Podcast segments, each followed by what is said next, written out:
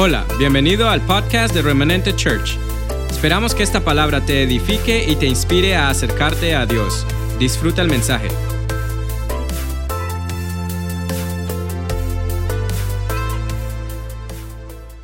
Ok, hace tres, cuatro domingos, cuatro domingos para ser más exactos, estuvimos aquí compartiendo y me recuerdo que dimos por título a la prédica Duro de Morir. Mi esposa me decía que no lo hiciera porque era un título que no parecía para nada cristiano. Y tenía razón.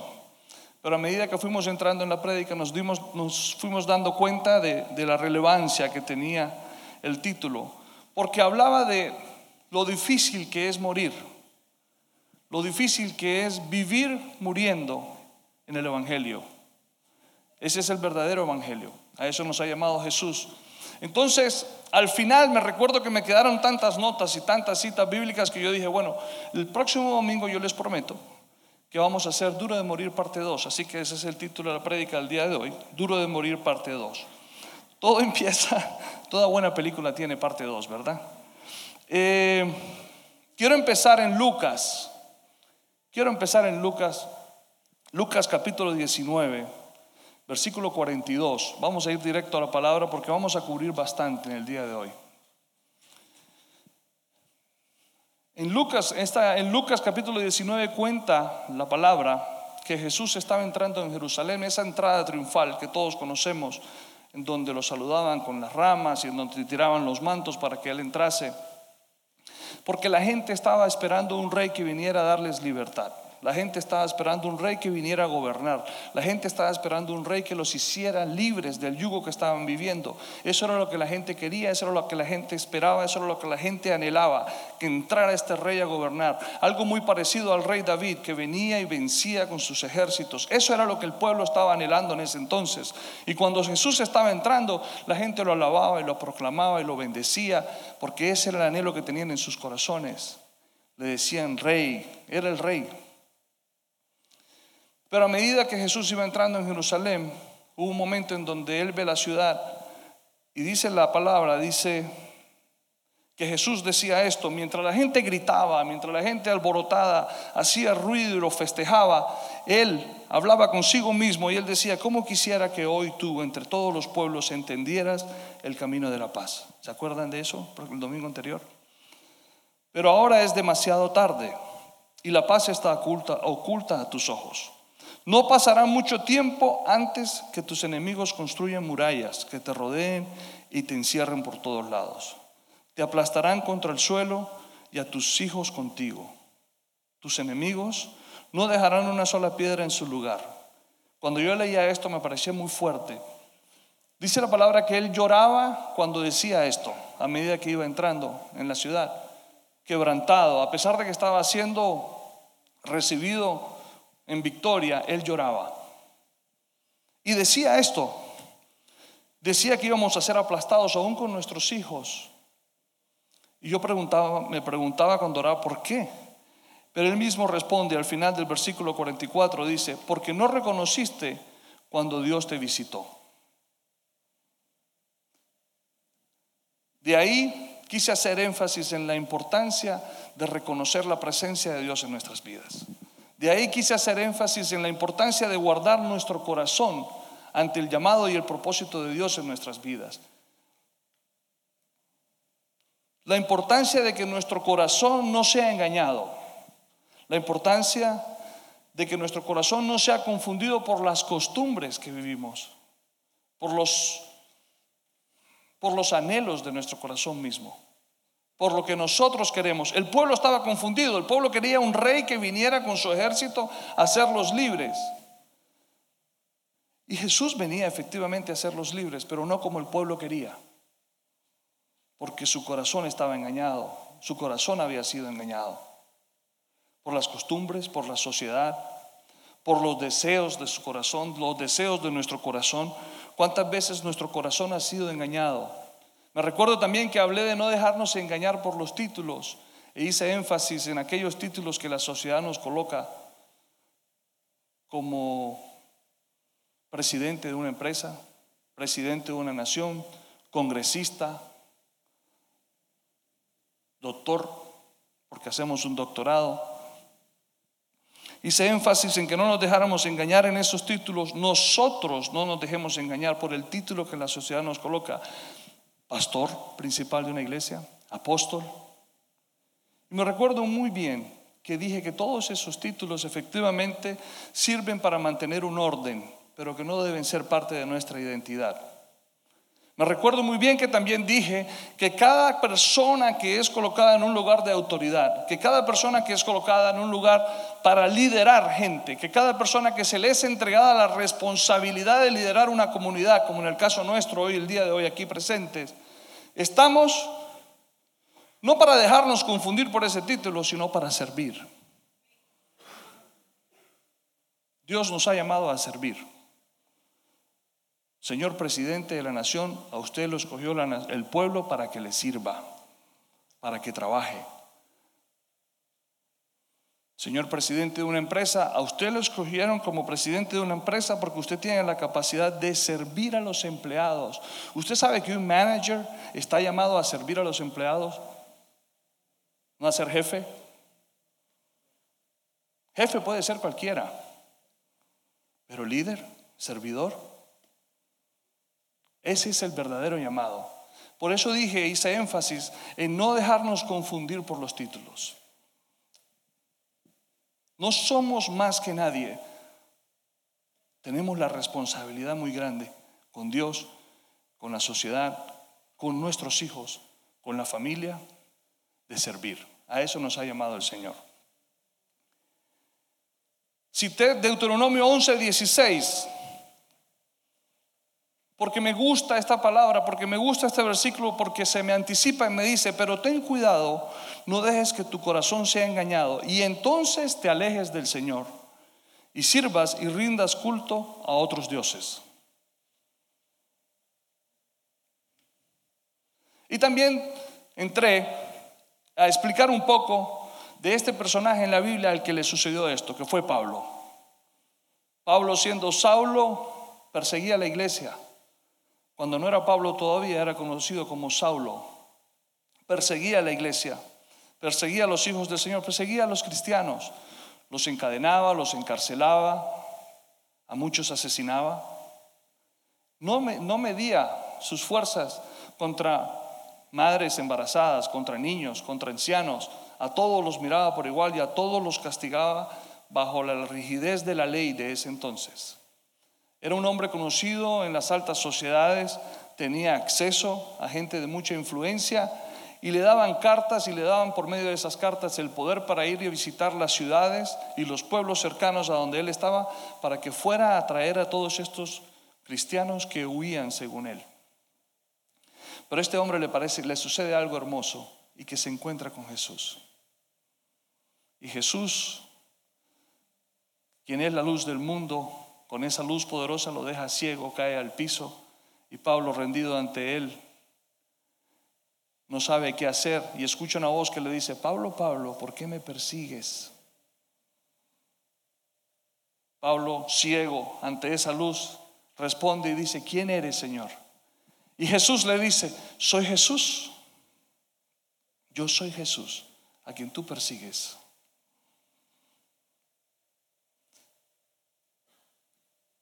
Quiero entrar aquí, en esta segunda parte de la prédica, porque después de esta, de esta experiencia, Saulo cambia, su vida es transformada. Y en Filipenses 3.1 él empieza y él relata esa parte de su vida y dice, mis amados hermanos, pase lo que pase, alégrense en el Señor. Nunca me canso de decirles estas cosas y lo hago para proteger tu fe. No se olviden, Filipenses 3.1, vamos a volver y vamos a entrar al 3.2, pero quiero hacer énfasis en la fe de la que Pablo hablaba en este verso.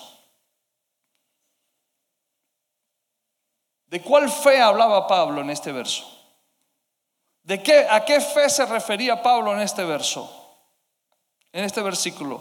Dice, Romanos 5, del 1 al 2, dice, por lo tanto, ya que fuimos hechos justos a los ojos de Dios por medio de la fe, tenemos paz con Dios gracias a lo que Jesucristo, nuestro Señor, hizo por nosotros, a esa fe.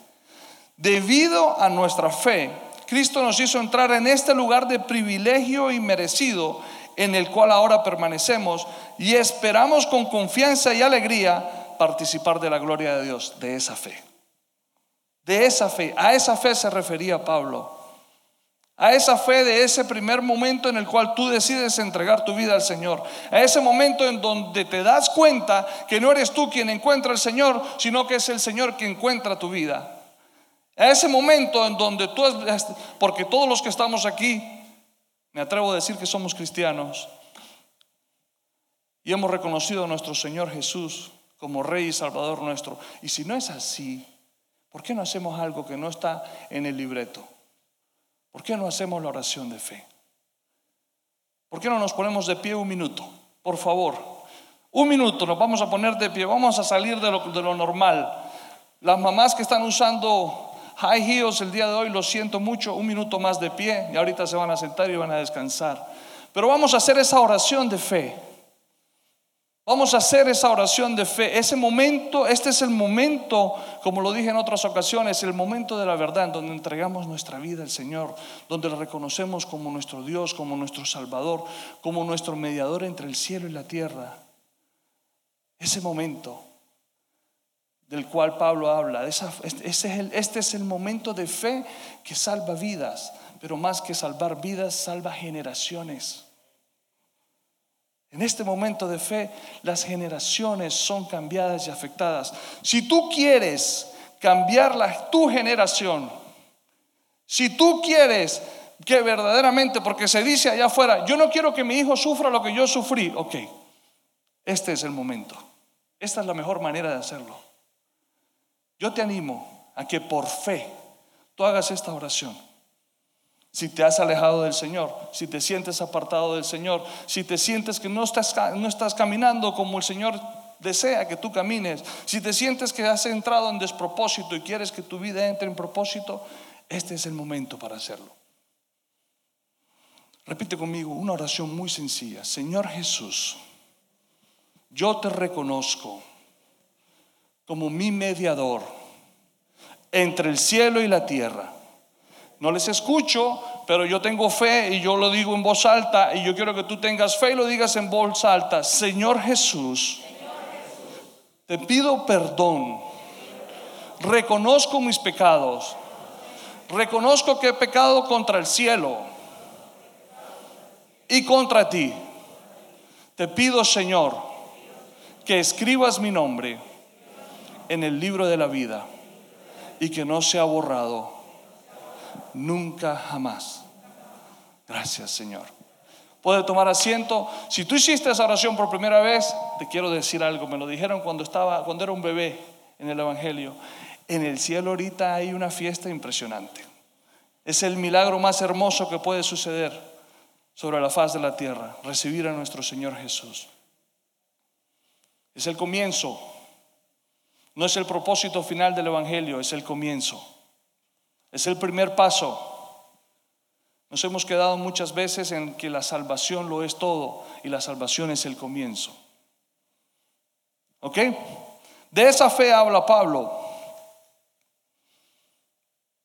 Es muy, es muy en la vida.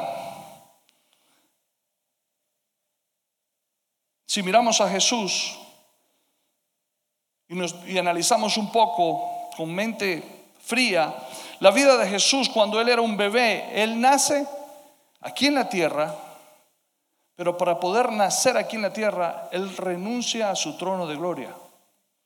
Ustedes saben que Jesús nace muriendo. Ustedes saben que Jesús desde el primer día que Él nació nos modeló, nos, dio ejemplo de morir. Él muere a su, a su trono para poder venir aquí a la tierra para poder rescatarnos a nosotros. Cuando nosotros miramos a Jesús y miramos ese ejemplo de vida que nos da, Él nos enseña a vivir muriendo bajo la obediencia a la palabra, bajo la obediencia al propósito. Él nos enseña a vivir muriendo a su voluntad, a sus deseos, a sus anhelos, pero en gozo, en alegría, bajo la convicción de lo que Dios lo llamó a hacer. Por eso deja su trono. y renuncia a Él para venir acá, para hacernos salvos. Cuando yo analizaba esto y pensaba cómo desde el primer día en que Él nace nos enseña a morir, me sorprendía, me rompía la cabeza, porque cómo nos cuesta morir. Por eso el título, duro de morir, porque nos cuesta morir.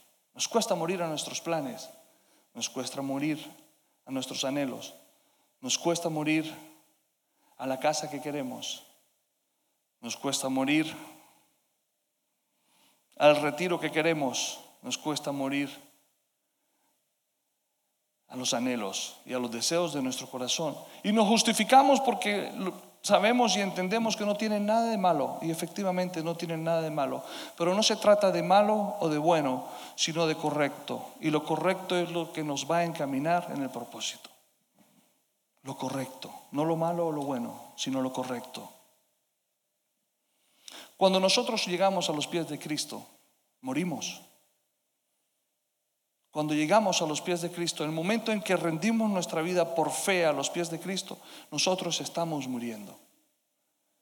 Pero creo que ese momento de morir, en ese momento en que morimos delante del Señor, yo me atrevería a decir que es un poco más fácil.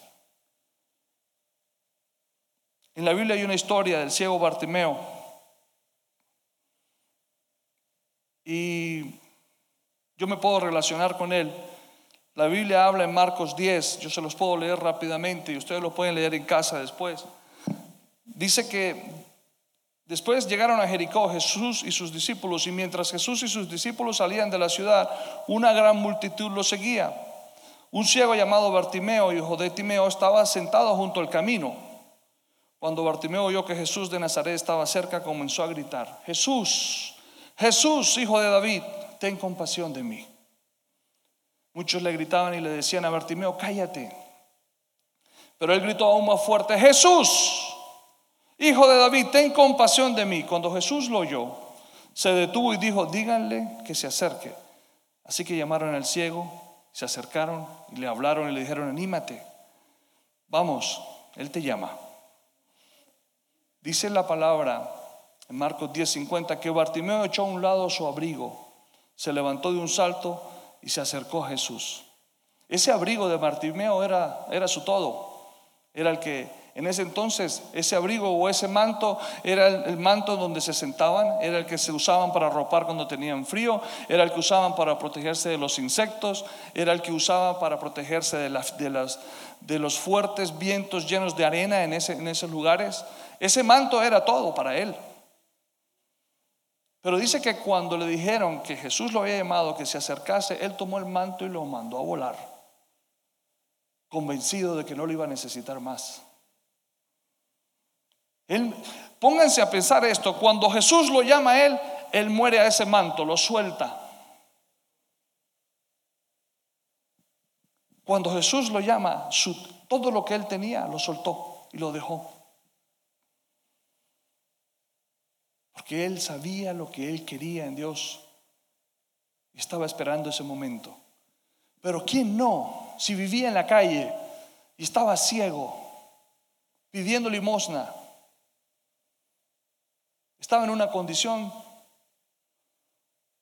deplorable, estaba en una condición triste. Y Jesús lo llama. Y le dice a Jesús, ¿qué quieres que haga por ti? Y él contestó, mi rabí, mi maestro, quiero ver. Y Jesús le dijo, puedes irte, pues tu fe, otra vez, la fe, te ha sanado. Al instante el hombre pudo ver y siguió a Jesús por el camino.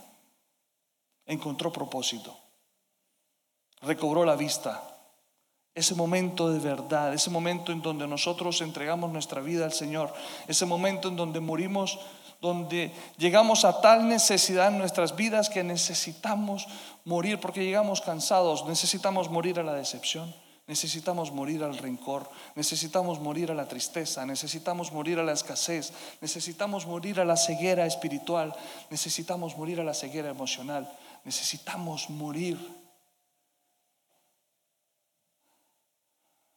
a esa soledad, a esa angustia. Necesitamos morir a la incertidumbre y cuando nos presentan a Jesús como ese rey, como ese salvador, como ese mediador entre el cielo y la tierra, como el único que lo puede hacer, nos es más fácil morir.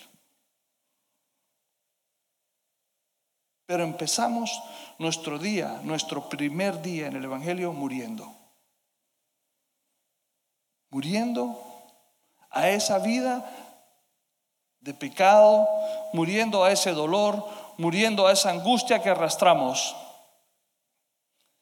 pero convencidos de la vida que Jesucristo trae a nosotros, convencidos de disfrutar de la resurrección de Cristo,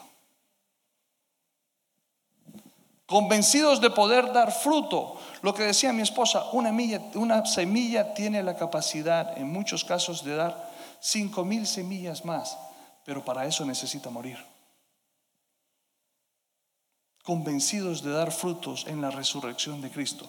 Cuando yo digo que necesitamos vivir muriendo a diario, es porque a diario Dios espera que nosotros podamos morir, pero para poder vivir mejor. Ustedes saben que cuando Jesús resucita el tercer día, él no resucitó para vivir la misma calidad de vida que él vivió en sus 33 años aquí en la tierra. Él resucitó a una mejor vida, a una vida eterna. Y a ese tipo de vida es la que Jesús quiere que nosotros resucitemos a diario, porque morimos a diario para resucitar a diario, para disfrutar de una mejor vida. Pero el proceso de morir y resucitar es duro, cuesta, es difícil. Pero tenemos que tener la convicción, y esa es mi tarea en el día de hoy, poder transmitir este mensaje, poder comunicar lo que está en el corazón de Dios a ustedes. Que no tengan miedo, que no tengan temor, que, que el morir en Cristo el día de hoy es ganancia, porque es pago de contado y hoy mismo resucitas a una mejor vida. Hoy mismo eres sanado. Hoy mismo se te abre la puerta a una mejor vida, a una mejor calidad de vida. Hoy mismo las cadenas son rotas. Necesitamos morir a esos malos hábitos, que son malos hábitos el día de hoy porque el día de ayer fueron un pensamiento y una decisión que tomamos. Y hoy yo quiero sembrar ese pensamiento, esa semilla en ti, de morir a ese mal hábito, para que se convierta en una decisión y para que puedas disfrutar de la vida que Jesús tiene para ti. ¿Cuál mal hábito? Tomar Coca-Cola en las noches, con pan, ¿verdad? ¿Cuál mal hábito? Comer pizza dos o tres veces a la semana? ¿Cuál mal hábito?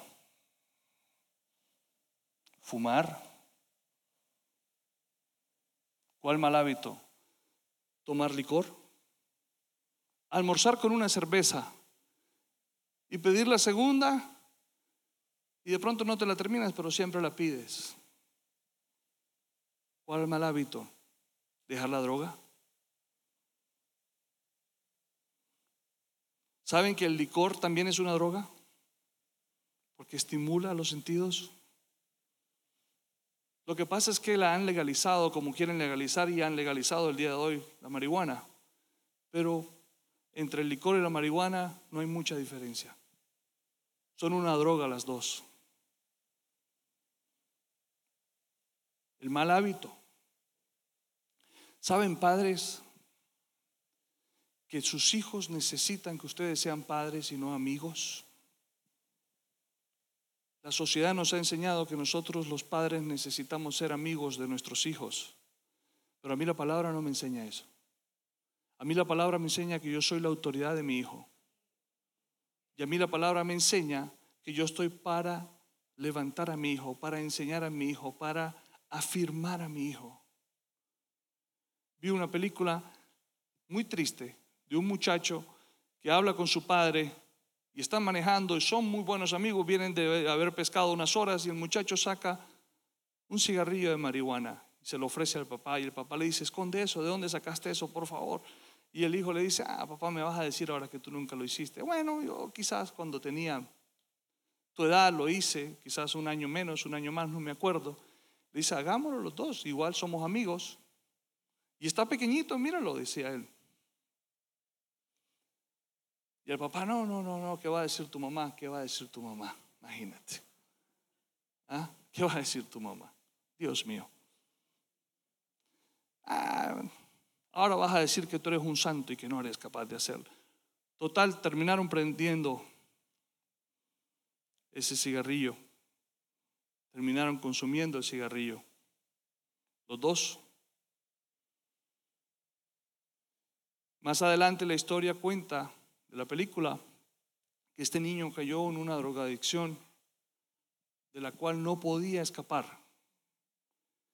Y en una cita con un especialista, él le pregunta, ¿qué fue lo que pasó? Le pregunta a este muchacho, ¿qué sucedió? ¿Dónde? Porque era un muchacho lindo. Es más, el título de la película se los voy a, llamar, se los voy a dar, se llama Beautiful Boy, hermoso niño. Era un niño hermoso, un corazón hermoso, un talento impresionante, una gracia de Dios impresionante, excelente estudiante, muy buenos amigos. Yo no sé cuántos amigos y cuántos seguidores tenía en Instagram, porque no, todo, quiero, no todos los que te siguen son amigos en Instagram, quiero decirte. Pero bueno, hermoso. Y le preguntan qué fue lo que pasó y él cuenta que lo que él sintió ese día con su papá, ese momento de éxtasis, no lo volvió a experimentar y todavía lo está buscando. Y quedó encadenado a a esa crisis de la droga. Yo reprendo en el nombre de Jesús toda drogadicción que haya atacado a la juventud de este tiempo. Yo reclamo a los jóvenes para Cristo. Por la autoridad que me ha sido delegada, yo reprendo en esta hora. Y te hablo a ti, joven, que no te expongas. Te hablo a ti, joven, que pienses, si no quieres pensar en ti, está bien, no pienses en ti, pero piensa en tus hijos. Piensa en la generación. No quemes tu vida en un cigarrillo de marihuana. Porque no sabemos si vas a poder salir de ahí y para qué correr el riesgo. Padre, tú eres la autoridad de tu hijo ora y clama e intercede por él y rompe delante del mundo de las tinieblas toda drogadicción que ha atacado a tu familia. Todo alcoholismo, toda pornografía. Padres, necesitamos hablar de estos temas en la iglesia. Padres, necesitamos ¿Sabes por qué? Se lo decía a los, a los líderes de jóvenes. Porque si nosotros no lo hablamos en la casa, donde debemos hablarlo. Y no lo hablamos en la iglesia, donde necesitamos reforzarlo. Allá afuera ellos lo van a escuchar. De quien tú menos creas. De quien tú menos creas. Allá afuera lo van a escuchar. Y van a ser retados, y van a ser tentados. Y ellos en el afán de, de ser aceptados, entonces van a ceder en su voluntad y a casa van a llegar y nos van a decir a nosotros los padres todo lo que nosotros los padres queremos escuchar. No, papi, todo bien. No, papi, mira mis notas, puras A's. No, papi, mira mis amigos de Facebook. Tú puedes mirar, tú sabes cuántos niños y muchachos tienen dos Instagrams allá afuera o tres. Les digo que esto no estaba en el libreto, como se dice pero sí estaba en el corazón de Dios. Padres, vamos a hablar de estos temas con los jóvenes. Vamos a hablar de estos temas con los padres. Estuve hablando con los líderes de los jóvenes y, me, voy a ser aquí un poquito infidente. Me abrieron su corazón y me dijeron, ¿cómo vamos a abordar estos temas con los muchachos si con nosotros nadie lo hizo? Yo le dije, ok, lo vamos a hacer entonces. Nos vamos a sentar y vamos a hablar de esto. Me gusta, no es fácil para mí hacerlo, Pero ¿sabes por qué me gusta? Porque sé que Dios nos quiere hacer libres. Porque sé que Dios quiere traer libertad a nuestras vidas. Porque sé que Dios está interesado en esta generación. Porque sé que Dios está interesado y su plan no ha cambiado y Dios quiere rescatarnos. Por eso me gusta. Porque veo el plan y el propósito de Dios en esta casa, en mi vida y en, esta, en los jóvenes de esta iglesia. Volvemos a Bartimeo. Dice que él siguió a Jesús por el camino. Recibió al Señor y empezó a seguir al Señor. Cuando tú conoces, cuando conocemos al Señor y empezamos a seguir al Señor, nuestro corazón palpita a toda velocidad nos emocionamos. Donde hay, donde hay alabanzas, vamos. La última alabanza de Elevation la bajamos. Donde, donde está predicando fulanito, allí vamos. Nuestro corazón arde de alegría y de felicidad y seguimos al Señor. Pero a medida que vamos conociendo al Señor, a medida que vamos aprendiendo a conocer al Señor y a percibir al Señor, a medida que vamos siendo transformados, pareciera que nos estamos alejando más del Señor. Los apóstoles cuando que siguieron a Jesús, Jesús les dijo, síganme, soltaron todo, barcas, peces, todo, y empezaron a seguir al Señor. Pero a medida que Jesús les hablaba de tener que ir a morir a la cruz, ellos no entendían el plan de Dios. Cuando Jesús les hablaba de tener que morir, ellos no entendían que tenían que morir. Cuando Jesús les hablaba que en la cruz era necesario morir para que ellos pudiesen vivir, ellos no aceptaban ese plan y estaban cada vez más cerca de Jesús y caminaban cada vez más con Jesús. Cuando Jesús te habla, en la medida en que estamos siendo transformados, en la medida en que vamos siendo, en que vamos caminando con el Señor y vamos conociendo al Señor y Jesús nos habla de morir, nosotros no entendemos esa parte. Porque tenemos que morir muchas veces a los logros. Porque tenemos que morir muchas veces a lo que tanto habíamos anhelado y de pronto lo hemos logrado, pero necesitamos morir para poder vivir. Filipenses 3:2, les dije que íbamos a volver allí. Dice Pablo, aquí Pablo ya no le está hablando a aquellos principiantes en la fe, sino a un pueblo como este que estamos aquí reunidos, conocedores del Señor.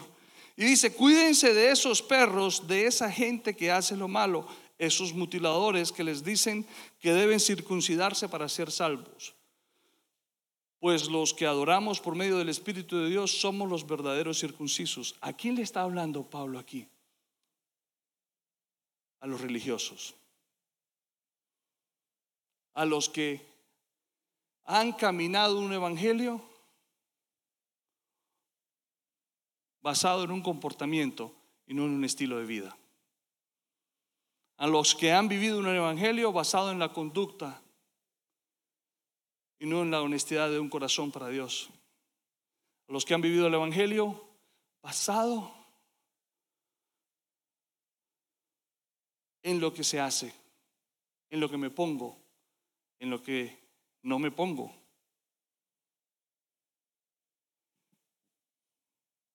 Hablaba con un pastor una vez y le contaba la historia de cuando yo fui a predicar la primera vez a un lugar y llevaba una Biblia que era más grande que, no, tengo, no veo nada aquí igual de grande esa Biblia. Qué cosa tan inmensa. Y era como así de gruesa. Y yo andaba con ese, yo me bajé del carro con esa Biblia a predicar.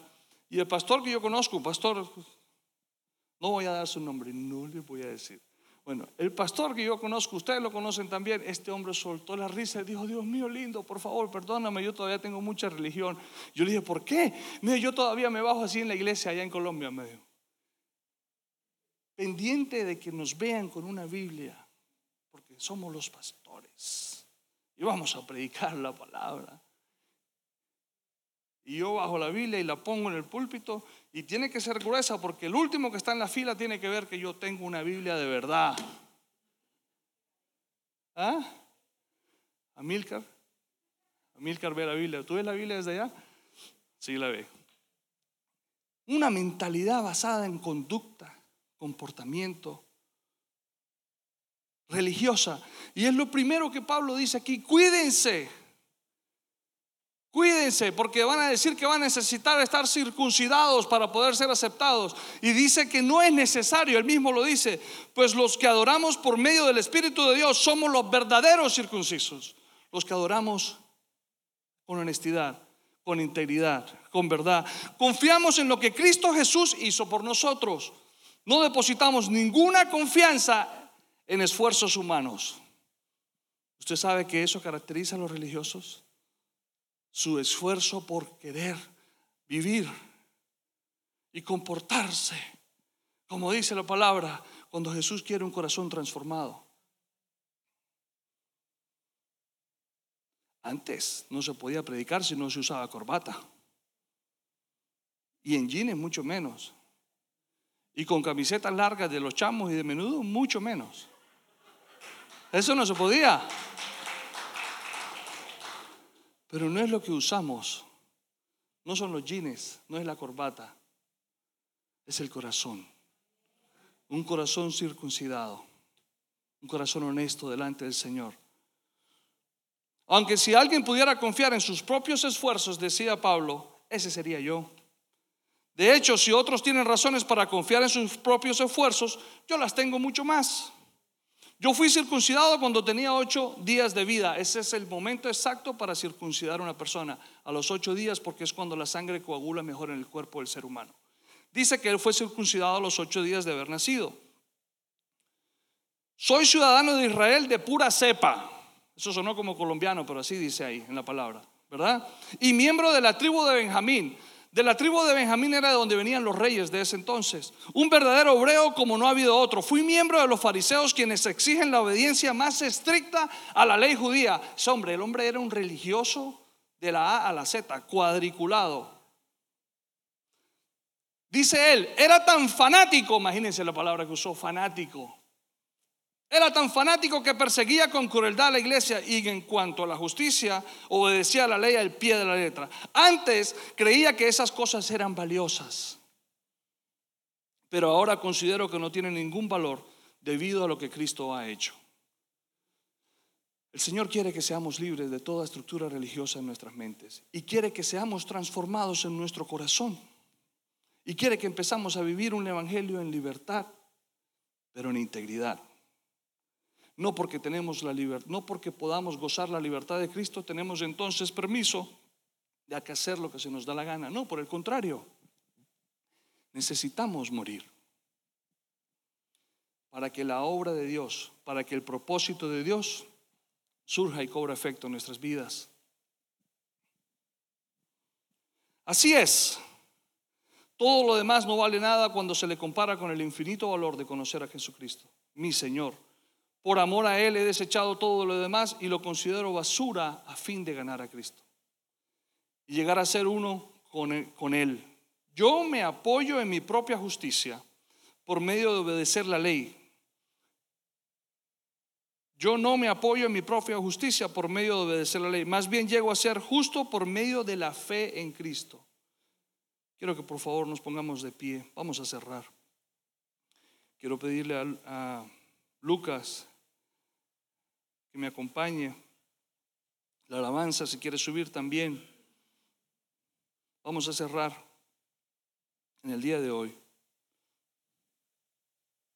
Pues la forma en que Dios nos hace justos delante de Él se basa en la fe. En esa fe de la cual en un principio Él empezó hablando y quería proteger.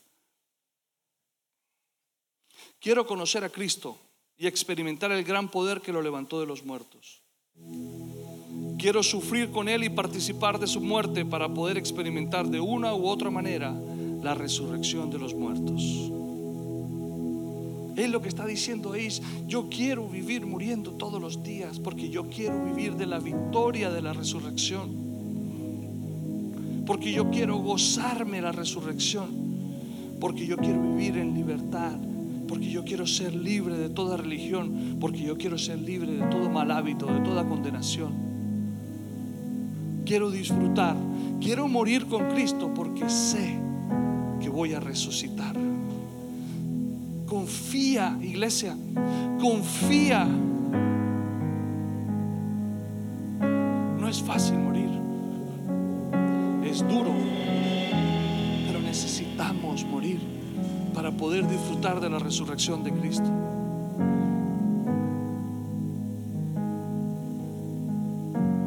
No, amados hermanos, no lo he logrado, pero me concentro únicamente en esto. Olvido el pasado y fijo la mirada en lo que tengo por delante. Hemos querido construir nuestra vida aún en el Evangelio. Hemos querido construir nuestra vida con el fundamento del pasado. Y ese ha sido un error muy grande. Porque el Señor dice, he aquí yo hago cosa nueva. ¿No la conocerás? ¿Acaso no la estás viendo ya? ¿Acaso no la estás disfrutando ya? Yo abriré caminos en el desierto.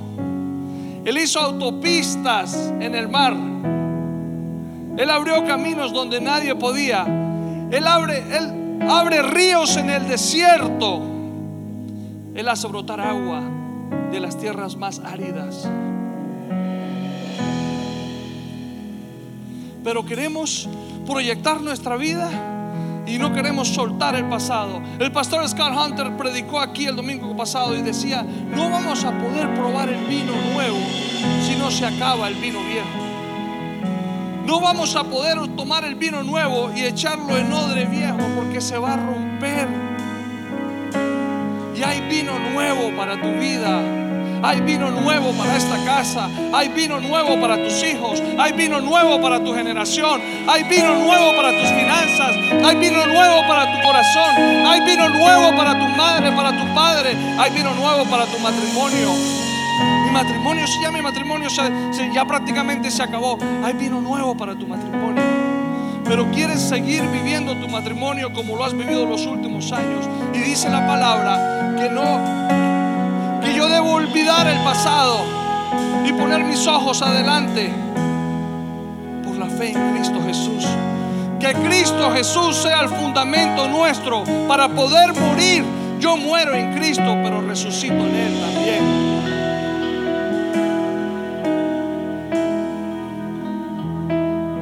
Oh muerte, ¿dónde está tu aguijón? Oh sepulcro, ¿dónde está tu victoria? Y decía un pastor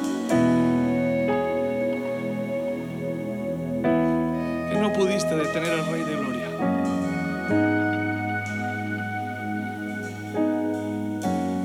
Debemos aferrarnos, pero debemos aferrarnos al avance que ya hemos logrado, a esa fe, a Jesús. Debemos aferrarnos, aferrarnos, abrázalo todas tus fuerzas y aférrate a esa fe, a ese momento en el que decidiste dar tu vida a Jesús, a ese momento en el que decidiste morir, a ese dolor, a esa traición, a ese rencor, a esa angustia, a esa incertidumbre. Ok, Dios te está llevando a crecer, Dios te está transformando, aférrate a Él de igual manera y muere para poder vivir y muere para poder disfrutar y muere para poder triunfar. Muere a tu agenda. Muere a esos amigos que no los quieres dejar. Jesús dijo, yo soy la resurrección y la vida, el que cree en mí vivirá aún después de haber muerto. Morimos a todo aquello que nos detiene para cumplir el plan de Dios en nuestras vidas pero aún muriendo eso vamos a vivir. Así lo dijo Jesús. Todo el que vive en mí y cree en mí jamás morirá. Todo el que vive en mí y cree en mí jamás morirá. ¿Se acuerdan de la historia de Lázaro y la hermana Marta? Y él le dice a Marta, ¿lo crees Marta? Yo te digo a ti iglesia, ¿lo crees remanente? Familia linda, ¿lo crees? Familia linda, ¿lo crees? Todo el que vive en mí jamás morirá, dice Jesús. Familia linda que estás en Colombia, ¿lo crees? Si lo crees, coloca un amén, colócame un dedito ahí, déjame saber que lo crees, escríbeme que lo crees, comparte conmigo que lo crees. Pero cuando morimos con Cristo fuimos liberados del poder del pecado, imagínate. Y dado que morimos con Cristo, sabemos que también viviremos con Él. Romanos 6 del 7 al 8. Jesús quiere lo mejor para nosotros. Jesús ha planeado lo mejor para tu vida. Jesús ha planeado lo que tú jamás has pensado o te has imaginado. Déjate sorprender. Déjate bendecir. Déjate, déjate bendecir. Pero es que es duro, es duro. Pero vas a vivir pero vas a resucitar, pero vas a triunfar. Dios te quiere entregar la victoria en este día. Levanta tus manos ahí donde estás. Yo quiero orar por ti. Si tú quieres recibir esta victoria, ahí donde estás, con la convicción en tu corazón, permíteme orar por ti. Padre, en el nombre de Jesús, en esta hora, Señor, yo clamo a tu presencia, mi Dios. Yo clamo a la presencia de tu Santo Espíritu, Señor. Florezca en cada uno de los que estamos aquí reunidos, porque sabemos y entendemos que el mismo Espíritu que te levantó de entre los muertos, Señor, vive en mí, Señor. Vive en nosotros, mi Dios. Porque entendemos que ese Espíritu Santo, Señor, que te levantó el tercer día, nos levanta a nosotros a diario, mi Dios. Yo declaro que la unción del Espíritu Santo es sobre todos y cada uno de los que están aquí reunidos. Yo declaro en el nombre de apartará de todos los que estamos aquí y todos los que están conectados. Yo declaro una unción de liberación. Yo declaro una unción que rompe cadenas, que rompe ataduras. Yo declaro en el nombre de Jesús, Señor, que tu presencia sana, mi Dios. Sana, Señor, a nivel físico, sana a nivel emocional, sana a nivel mental, Señor, en el nombre de Jesús. Yo lo declaro en esta hora, yo lo declaro, Señor, yo lo decreto en esta hora, mi Dios. Yo te doy gracias, Señor. Bendecimos tu nombre en gran manera. Ayúdanos, Espíritu Santo, a poder morir para poder triunfar en la resurrección juntamente con Cristo. En el nombre de Jesús. Amén y amén. Dale un fuerte aplauso Señor. Aleluya. Esperamos que este mensaje haya sido de bendición. No te olvides de suscribirte a nuestro podcast y seguirnos en Facebook e Instagram arroba remanente.